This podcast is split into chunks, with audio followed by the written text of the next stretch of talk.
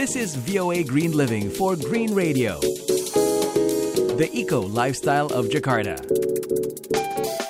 Halo sahabat Green, bangunan rumah ini disebut The Ark. Bentuknya melengkung seperti perahu, namun rumah ini dibangun dengan konsep ramah lingkungan. Rumah ini sangat hemat energi, dibangun dengan bahan-bahan daur ulang dan ramah lingkungan. Manajer proyek ini, David Richards, mengatakan bahkan atap rumah ini juga ramah lingkungan. The idea is that we have a cedar roof where we have uh, water that goes onto the roof, comes down into the pots, keeps everything alive and well. David mengatakan atap rumah ini ditutupi oleh tanaman, ada air yang mengalir ke atap, ditampung ke pot-pot, menjaga tanaman tetap hidup dan segar. Di dalam bangunan, The Ark sangat hemat energi. Suhu hangat banyak diserap dari aktivitas manusia. Desain modular memungkinkan konstruksinya menjadi mudah, tetapi bentuk oval membutuhkan banyak imajinasi untuk memenuhi perlengkapan rumah.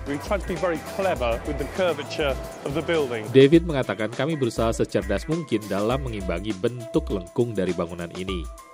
Dilengkapi dengan jendela berlapis tiga yang mengkilap dan dinding yang terinsulasi, rumah The Ark dapat menghemat biaya energi dalam jumlah yang signifikan.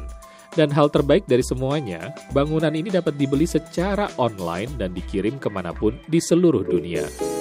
Dan sahabat Green, demikian informasi lingkungan hidup kali ini. Saya Ian Umar, segera pamit dari VOA Washington. Stay green on Green Radio. The voice of America.